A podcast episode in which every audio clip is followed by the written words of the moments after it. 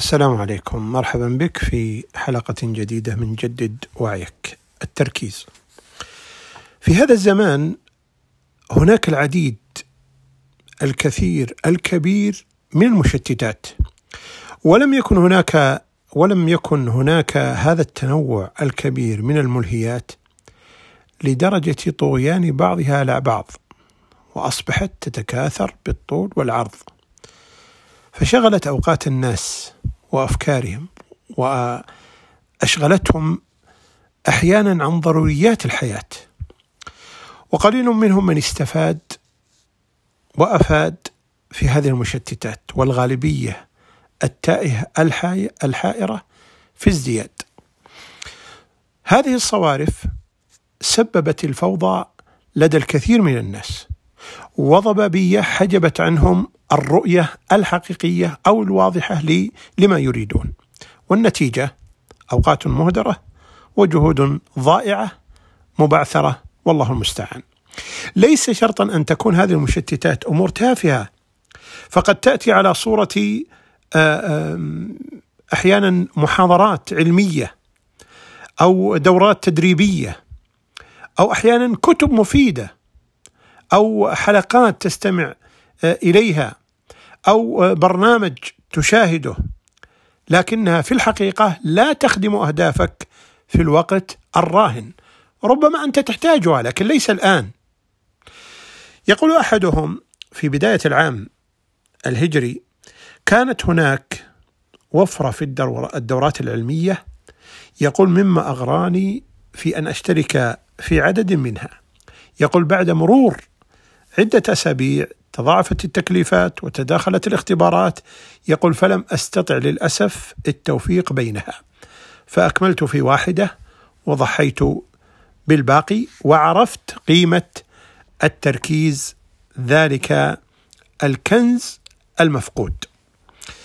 يقول ابن تيمية رحمه الله تعالى ليس العاقل الذي يعلم الخير من الشر إنما العاقل الذي يعلم خير الخيرين وشر الشرين.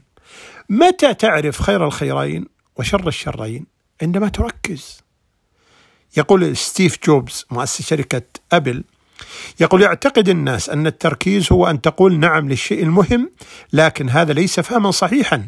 الفهم الصحيح يقول هو أن تقول لا لمئات الأفكار الجيدة الأخرى التي تغريك بالسعي وراءها.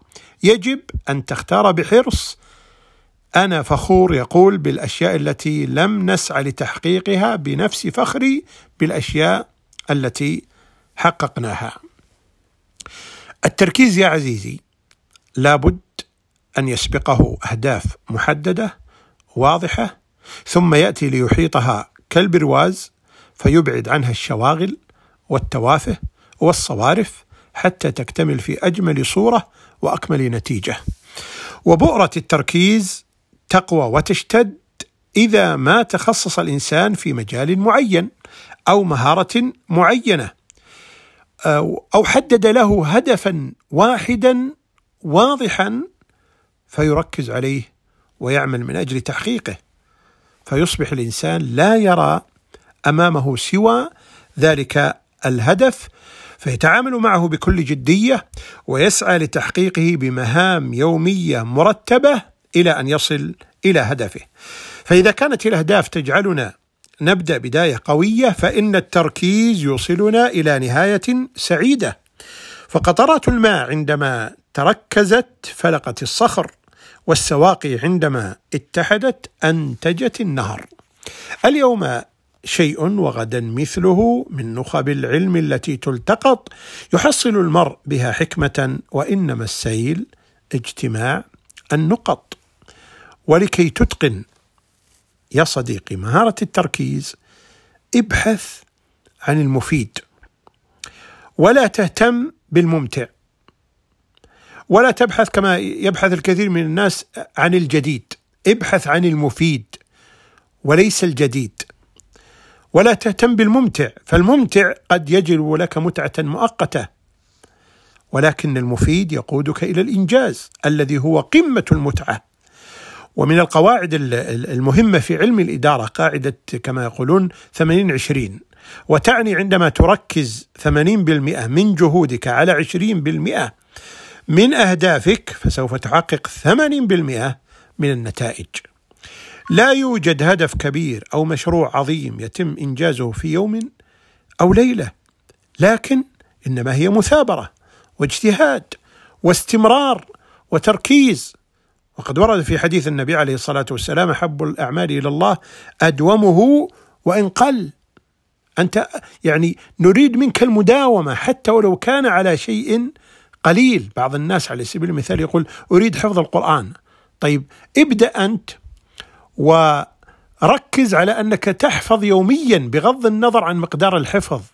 حتى وإن كنت يعني في ذلك اليوم منشغل أو مرهق أو متعب نقول لا تترك الحفظ احفظ ولو آية واحدة فقط. لكن لا تترك لا تترك الحفظ في في يومك ذاك.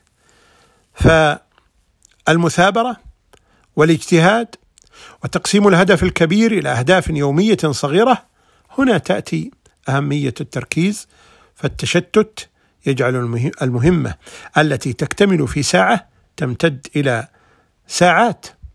وقد تعلمنا جميعا في الرياضيات أن أقصر طريق بين نقطتين هو الخط المستقيم. وهذه الاستقامة تتطلب التركيز حتى لا يحيد العقل فيميل يمنة ويسرة إلى نقاط جانبية لا فائدة منها سوى عرقلة الاستقامة وإطالة الطريق. لكن أنت ستصل لكن بطريق طويل لكن مع التركيز تختصر المسافة. وذكرت لكم القاعدة النبوية أدومه وإن قل تعبر عن التركيز وأنه وأن المداومة من أساسيات التركيز. ويعتمد عليها كل إنسان ناجح ومنجز. لماذا؟ لأنها في الحقيقة تعني المواظبة والمثابرة والإصرار على تحقيق ذلك الهدف. وعندما سئل آه، آه، آه، المؤرخ والكاتب المشهور بشار عواد عن سر مؤلفاته الكثيرة أجاب قال ألزمت نفسي منذ أربعين سنة أن أكتب كل يوم ملزمة. يعني ستة عشر صفحة. يقول وكنت في بعض الأيام أنجز عشرين صفحة حتى يكون في الغد اثنتي عشرة صفحة. وهكذا. وأحيانا تقل لكن يعوضها. الشاهد أنه مثابر ومستمر على آه، هذا العمل. أدومه وإن قل. فرجاء. ركز.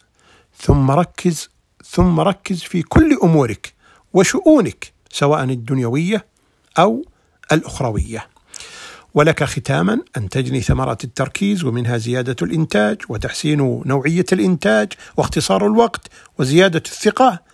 وإنجاز الهدف. أسأل الله سبحانه وتعالى أن يوفقنا وإياكم لما يحب ويرضى. ألتقيكم بإذن الله جل وعلا في حلقة أخرى من حلقات جدد وعيك السلام عليكم